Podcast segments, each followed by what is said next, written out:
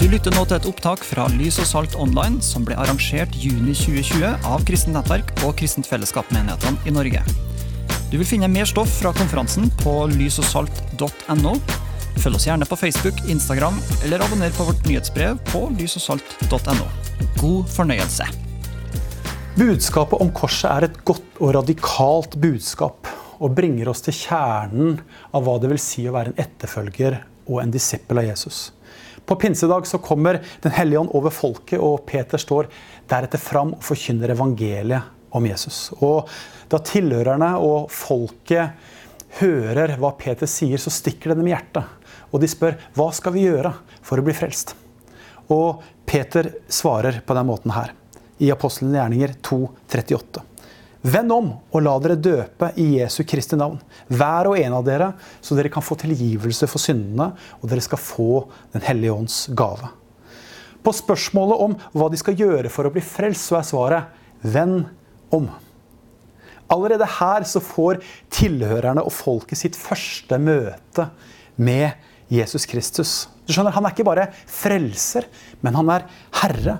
Og konsekvensene av å møte han og ville tro på ham, er å vende om og legge sitt eget liv ned og bli en etterfølger av ham. Så å bli en disippel av Jesus betydde tydeligvis forandring.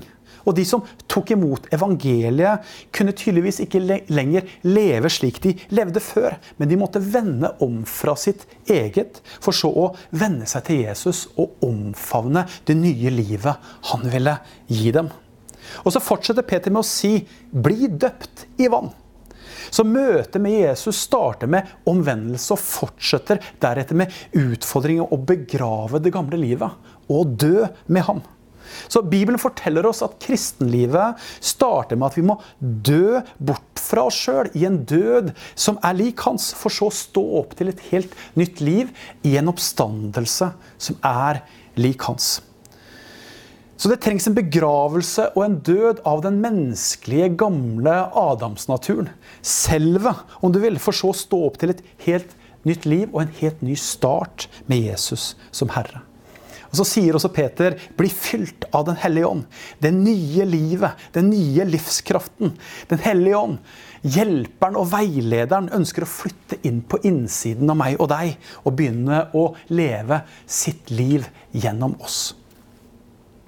Så valget vårt om å ville tro på Jesus og, og, kjenne han, fører oss direkte og med en gang til korset. Hvor spørsmålet er ikke om vi vil tro eller være kristne og prøve å lage vår egen definisjon på det, men om vi vil være sanne etterfølgere, slik Jesus vil ha oss som etterfølgere. Så I møte med evangeliet så møter vi med en gang Jesus som Herre. Og han ønsker jo ikke bare å være din venn eller, eller, din frelser eller en som du kan ha på baklomma i tilfelle du trenger litt hjelp, trøst eller assistanse. Men, men, han ønsker at hvis du sier ja til ham, så må du tillate ham å gi ham plassen som din herre. Så Det fins ikke noe alternativ til det å leve med Jesus annet enn å gjøre ham til herre. og Derfor er det å være en disippel av Jesus uten å ville omfavne korset direkte motstridende.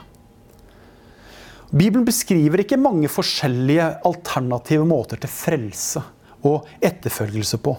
Så det fins ikke én vei for den som er passeinteressert eller for den slappe, og så fins det en vei for den moderate, som vil ta, ta, det til et sånn moderat nivå. Og så fins det et, et, eh, en vei for den ivrige. Nei, det er ikke sånn Gud opererer. Det fins bare én vei for oss alle. Uansett hvem vi er og hvor vi kommer fra. Og den beskrives slik at hvis vi, må, hvis vi vil følge ham, så må Jesus få være vår Herre, og vi må bøye oss for ham. Vi møter kort og godt korset. Du skjønner, På samme måte som korset brakte Jesu liv til en ende, så bringer korset selvlivet til enhver som vil følge Han til en ende. Korset finner vi i, i krysningspunktet mellom vår egenvilje og Guds vilje. Korset er plassen der vårt selvliv og vår menneskelige vilje og de naturlige lystene de må dø. Korset er plassen der vi, hvor vi må gi Guds vilje rett, og er stedet der vi må ydmyke oss og være lydige mot Gud. Korset er plassen vi som Jesu etterfølgere må justere vår egen vilje mot Guds egenvilje. Og også våre selvsentrerte planer eh, må komme på linje med hans planer for våre liv. Og der er Jesus selv et eksempel i, det her i måten han demonstrerte dette livet på som Guds sønn. Ved å gi avkall på sin rettmessige plass hos Gud komme til vår jord som et menneske, som meg og deg. Og der ble han testa og prøvd på akkurat samme måte som vi blir testa og prøvd som mennesker. Og I alle evangeliene så ser vi vitnesbyrd og, og, og demonstrasjoner av korset gang på gang i Jesus sitt eget liv. Og Vi skal lese et par eksempler på det nå. La oss gå til 1. Johannes, nei, unnskyld, Johannes evangeliet, kapittel 6, vers 38 først. Der står det for jeg er ikke kommet ned fra himmelen for å gjøre det jeg selv vil, men det Han vil, som har sendt meg. Og I Lukas 22, 42 så er Jesus i Getsemanehagen. Og han vet at han skal gå korsets vei, og han vet at han må dø. Han vet at han må gi avkall på seg selv og si ja til å fullføre det oppdraget Gud, hans far, har sendt han til. Og Likevel så kjenner han på svakheten i det å være menneske. Likevel så kjenner han på denne indre kampen, prøvelsene og testinga. Men likevel så sier han, 'Far, om du vil, så ta dette begeret fra meg.' Men ikke som jeg vil, men som du vil. Så du skjønner, korset er den plassen der Guds vilje blir min vilje. Det er hvor jeg dør fra meg selv, og hvor jeg velger å justere mitt liv ut fra at det nå er Jesus Kristus som lever sitt liv gjennom meg. Paulus sier i 1. Korinterbrev 1,18.: For ordet om korset er dårskap for den som går fortapt. Men for oss som blir frelst, er det Guds kraft. For mennesker som ikke tror og ikke ønsker å leve med, med, med Jesus, så er korset, ordet om korset, dårskap. Dårskap kan bety dumhet. Det kan bety tabbe. Det kan bety irrasjonalitet. Det kan bety at det er galskap. kan Det bety.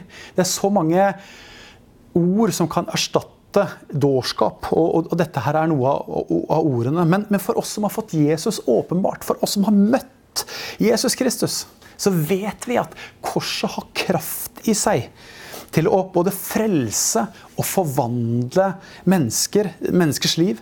Og, og, vi som har erfart Jesus som frelser og herre, vi er selv vitnesbyrd på denne forandringen i våre liv. Vi kan peke på hverandres liv og se Jesus, og Jesus forandring i hverandre. Og Videre sier Paulus i vers 28-31.: Ja, det som i verdens øyne står lavt. Det som blir foraktet, det som ikke er noe, det utvalgte Gud for å gjøre til intet det som er noe. For at ingen mennesker skal ha noe å være stolte av overfor Gud. Dere er Hans verk i Kristus Jesus.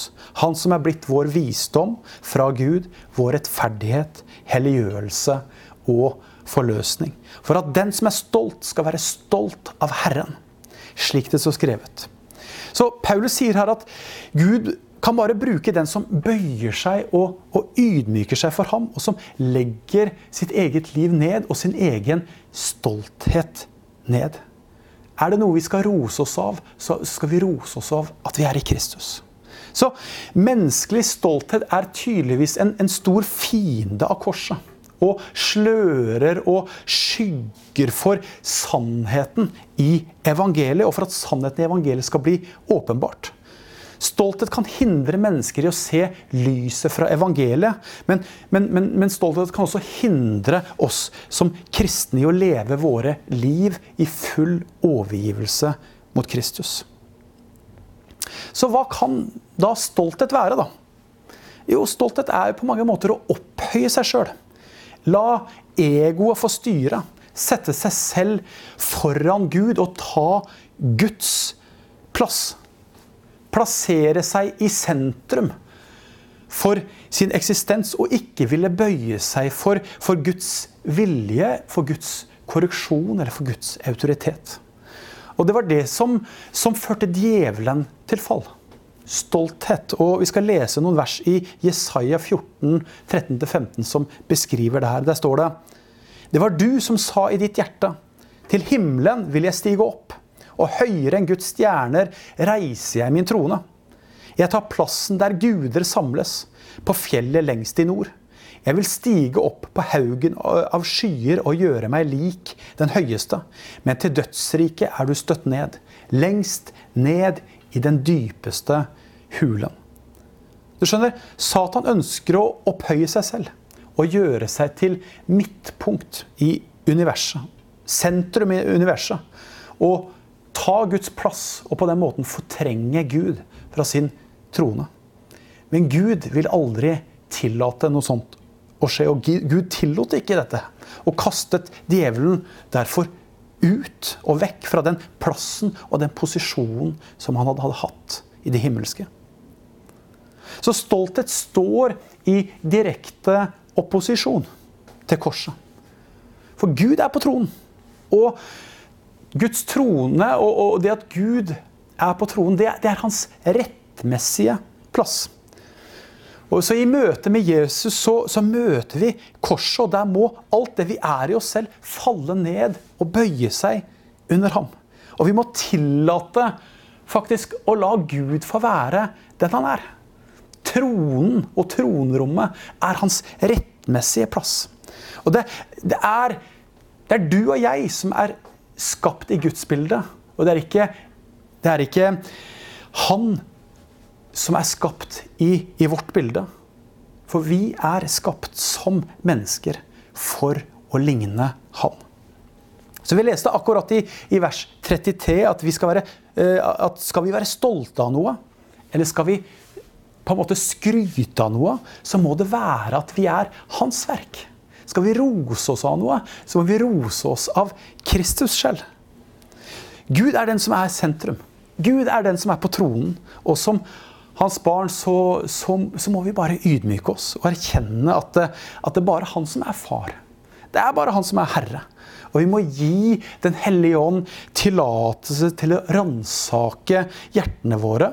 Eh, stadig på om vi er på rett vei både i hjerteinnstilling og i, i måten vi lever våre liv som kristne og som disipler av Jesus på. For du skjønner, Gud ønsker å ha full tilgang til hjertet ditt. Men det er, det er, du og jeg som gir Den hellige ånd denne tillatelsen til både prøve og teste hjertene våre. Og du kan gi han litt tilgang. Du kan gi han delvis tilgang. Eller du kan gi han full tilgang. Valget er ditt. Du skjønner, Bibelen snakker mye om å prøve å ransake seg selv. Og Jesus er veldig tydelig på hva han vil ha. Han vil ha full tilgang. Han vil ha tilgang til alle hjerterom. Og Efeserbrevet 5.10 sier det slik Prøv hva som er til glede for Gud. Og I forbindelse med nattferdsmåltidet i 1. Korinterbrev 11.28 så sier Paulus mye om det å ransake og prøve seg selv. Eh, og vi trenger å prøve oss selv både om vi er i et rett forhold til Gud, Altså den vertikale sida, men også den horisontale sida. Hvordan, eh, hvordan eh, lever vi i forhold til hverandre som søsken? Og har vi et rett og et godt forhold til våre søsken? Og hvis vi ikke har det, så trenger vi å gå til folk rundt oss, de det gjelder, og gjøre opp for å komme på linje med Guds vilje. Så det ligger i ordet selvransakelse at cellet trengs å prøves. Evalueres og på en måte testes i forhold til hva er standarden vår? Nei, det er ikke andre mennesker, men det er Jesus og hans herredømme. Det er det vi ser alle andre ting opp mot. Så selvransakelse er, er, noe vi som disipler av, av, Jesus må lære å, å omfavne. Det er ikke et ord vi egentlig bruker så veldig mye i, i dagligtalen, men, men, det er helt nødvendige prosesser for en kristen som ønsker å gå korsets vei. Så her vil Den hellige ånd skjære bort. Her vil Den hellige ånd kle av. Her vil Den hellige ånd kle på ting. Eh, han vil ommøblere og omplassere og, og ha et ønske om å innrede ditt hjerte slik at han blir behaga. Slik at han kan glede seg over hva som skjer der inne. Han kommer til å bringe ting til en ende, og så kommer han eh, til å la andre og gode ting få stå opp og vokse fram. Så det her kan kjennes både ukomfortabelt og ubehagelig ut, fordi at det, det, berører den menneskelige naturen. Og det kan være både krevende, vondt og vanskelig, og er prosesser som, som tar tid. Og det tar hele livet vårt, for det handler om helliggjørelsesprosesser, som er Guds vei. Og det kan være en krevende vei å gå, men, men helliggjørelse er Guds vei. Han vil forme og danne oss. Og det kan oppleves så ukomfortabelt at vi kan sikkert stå i fare for å bedra oss sjøl ofte. Ved å velge å ikke gjøre noe med de tingene som Den hellige ånd minner oss på. Men, men sånne døds- og forandringsprosesser er helt nødvendige for at Gud skal få forme og danne oss i sitt eget bilde. Så jeg tenker jeg har lyst til å bare nevne noen eksempler som, som eh, gjelder for oss alle. Eh, fordi vi trenger alle å gå korsets vei. Og regelmessig så trenger vi å, å ransake eh, hjertene våre. Så her er noen eksempler. Har jeg ambisjoner på mine egne øyne? Har jeg min identitet eh, i posisjoner som bringer ære til meg sjøl? Enten i menighet, eller i, i samfunn eller i jobbsammenheng? Eller har jeg et rent hjerte innenfor Gud? Har jeg reine og sunne relasjoner til mennesker rundt meg? Eller, eller trenger jeg ta et oppgjør med mine egne holdninger og tanker omkring folk rundt meg?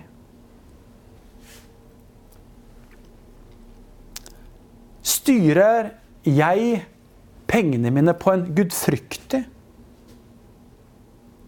måte? Eller styrer pengene mine meg? Hvem er det som sitter og styrer? Er det noe jeg forbeholder retten til å eie selv? Er det spesielle ting Gud nå prøver meg på, og som jeg kjenner det er vanskelig å slippe tak på når det kommer til materielle verdier? Tør å stille deg sjøl disse spørsmålene. Hvordan bruker jeg tida mi? Er tid med Gud i bønn og ordet en del av eh, en del av mine prioriteringer? Eller er det ting, uvaner eller uvaner, som stjeler tida mi? Som jeg kanskje skulle brukt på ordet og bønn? Lar jeg seksuelle lyster prege sinnet mitt? Ser jeg på ting som jeg ikke burde fulgt sinnet mitt med? Pornografi eller kanskje serier eller filmer på TV som er på kanten? Hvilke forhold har jeg til underholdning? Til skjermbruk, til telefon, til sosiale medier? Har jeg et sunt forhold til dem? Eller er det en tidstyv i livet mitt? Og, så, og sånn er det. Vi trenger å gi denne her, Den hellige ånd eh, tilgang og tillatelser til å ransake våre hjerter på den måten. Still disse spørsmålene, vær sårbar og ærlig innenfor Den hellige ånd. Og det fins ikke noen som er bedre enn å være ærlig med enn Gud, din far i himmelen. Og la han få pirke borte ting og hjelpe deg til å mer og mer ligne han. Og i dette her så trenger du å gi han tida di. Du trenger å gi han fokuset. for Det er ofte i Guds nærvær at han vil peke på ting. Vise deg ting tale til deg om ting. Og da er spørsmålet som vi hele tida stiller oss Lever jeg i ubalanse, eller lever jeg i balanse? Lever jeg i synd, eller lever jeg i renhet på det her? Og eventuelt, hvordan tar jeg et oppgjør med, med, med det jeg trenger å komme ut av hvis jeg lever i ubalanse eller synd, f.eks.? Og hvem i menighetsfamilien er det jeg har tillit til, som kan være en medvandrer med meg, og som kan hjelpe meg til å leve i lyset, og som kan ansvarliggjøre meg? Ha, ha en eller to som du kan leve sånn med, og som hjelper deg til å leve et disippel, radikalt disippelliv med Jesus. Du skjønner, Disippelskap og etterfølgelse av, av Jesus er direkte knytta opp til min og din villighet til å ta opp korset hver eneste dag. Og i Lukas 23 til 26, og jeg tror vi skal spesielt fokusere på 23, 24 og 25 nå, så kan vi lese om hva Jesus sier i hva det, bety, hva det vil bety å, å følge ham. Og her står det Så sa han til alle, om noen vil følge etter meg, må han fornekte seg selv og hver dag ta sitt kors opp og følge meg. For den som vil berge sitt liv, skal miste det. Men den som mister sitt liv for min skyld, skal berge det. Hva gagner det et menneske om det vinner hele verden, men mister seg selv og går til grunne? For den som skammer seg over eh, meg og mine ord, han skal også menneskesønnen skamme seg over når han kommer i sin og sin fars og de hellige englers herlighet. Så la oss starte litt med vers 23. Der står det om noen vil følge meg. Det betyr at det er mitt og ditt valg på om vi vil følge ham. Det er opp til meg og deg om, vil vi, om vi vil følge Jesus og gå disippelskapets vei. Han tvinger oss ikke til etterfølgelse, men han er veldig tydelig på hva sann etterfølgelse er. Og hvis vi virkelig skal være etterfølgere på hans måte, så trenger vi å være trofaste og høre hva han har å si, så vi kan bøye oss i forhold til Jesu egen eh, definisjon av hva sann etterfølgelse er. Så, så og, dette ordet å fornekte seg selv, som det står om i vers 23 her, det betyr Nå skal jeg prøve å lese riktig. Det betyr aparneomai. altså Det er et aramesk ord. Og, og betyr å avstå fra seg selv. Å oppgi retten til å eie seg selv. Så du oppgir råderetten over, din, over, ditt eget liv og gir den råderetten til Jesus og sier 'Jeg er nå din eiendom'. Og det er hva det koster å følge Jesus. Hvis vi vil følge ham, så koster det oss livene våre. Og Jesus i det her vil tale til oss. Han vil teste oss. Og han teste vår villighet til å lyde ham. Og jeg kjenner sjøl i den fasen som vi er i nå, så kjenner jeg at Gud prøver meg og tester meg på, på, ulike typer ting. Det trenger ikke nødvendigvis være synd, men det kan være ting som Gud vil prøve mitt hjerte på, som det ikke er noe galt i i seg selv. Men han vil teste hjertet mitt. Om jeg er villig, og om jeg er, er lydig, om jeg, om jeg, vil følge han i alle ting. Og da er det noen områder nå i min vandring med Jesus hvor han vil teste meg. Og da da må jeg gå framfor Gud med det, og jeg, må, og jeg må, være tro mot Han i det. Og jeg har også Per Arne Gjerde og Johan som jeg har i mine meddelelser, som jeg også deler disse tinga med. For at de kan hjelpe meg til å holde meg ansvarlig i forhold til hva Den hellige ånd jobber og pirker og peker på i mitt liv. Og i det her så, er det en lydighetslæring eh, i disse tinga her. Vers 24. For den som vil berge sitt liv, skal miste det. Men den som mister sitt liv for min skyld, skal berge det. Så, så den som, som, vil berge sitt liv, vil fort leve for det midlertidige, det kortvarige. Og, og, og de jordiske verdiene, og, og, samle seg skatter her i denne verden og, og på denne jorda. Men går, går, går, går fort glipp av, av den virkelige skatten. Nemlig å forstå at dette livet ikke handler om deg og ditt og dine ting. Men om Jesus Kristus. Om Han som er sentrum i universet. Og om hvordan skaperen kan få leve sitt liv gjennom sin skapelse. Så den som velger å miste livet, oppgir retten til å leve for seg sjøl, slik at Jesus kan få bruke en til hans ære. Og da er noen sånne spørsmål som det kan være godt å stille seg, er, jeg villig til å oppgi og, og overgi det som menneskelig sett betyr mye for meg, og gi det til Jesus? Er jeg villig til å, til å, gi opp det som for meg her på jorda, i mitt liv nå, har menneskelig sett har stor verdi? for å så gi det over til Gud. Hva er livets virkelige verdier for meg, egentlig? Og hvordan kan jeg lære å gi disse tinga her, som jeg trakter etter, og som jeg opplever som viktig, hvordan kan jeg gi de over til Jesus? Så jeg kan leve mitt liv i lys og i motivasjon av de evige hensiktene. Av hva som er viktig for han. Om hva som er hans ord, og hva som er hans veier, og hva som er hans vilje.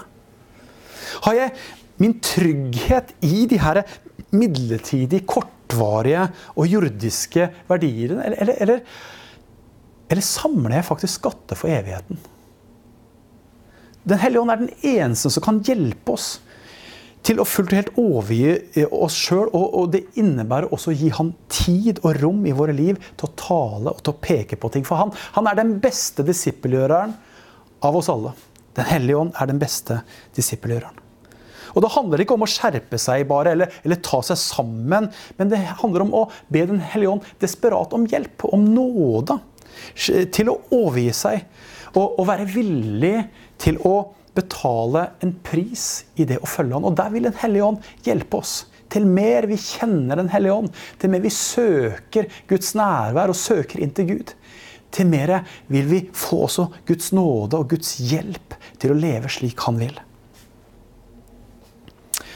Så vers 25 her sier jo Hva gagner et menneske om det vinner hele verden, men mister seg selv og går til grunne? Så vær så snill, la oss ikke bruke livet på å samle oss disse kortvarige, midlertidige skattene her på jorda, som bare gir frukt for dette livet, og som en dag kommer til å, å få gå. Men la oss leve livet våre ut fra de virkelige verdier. De fruktene som varer, og som betyr noe for Gud og for Guds rike i et evighetsperspektiv. En som jeg har tenkt mye på når jeg har forberedt meg til disse tingene her, er en som fikk smake hva det vil si å miste sitt liv for igjen å finne det. Og Hans navn er Dietrich Bonhoeffer. Han var en tysk prest og teolog og levde under den andre verdenskrig.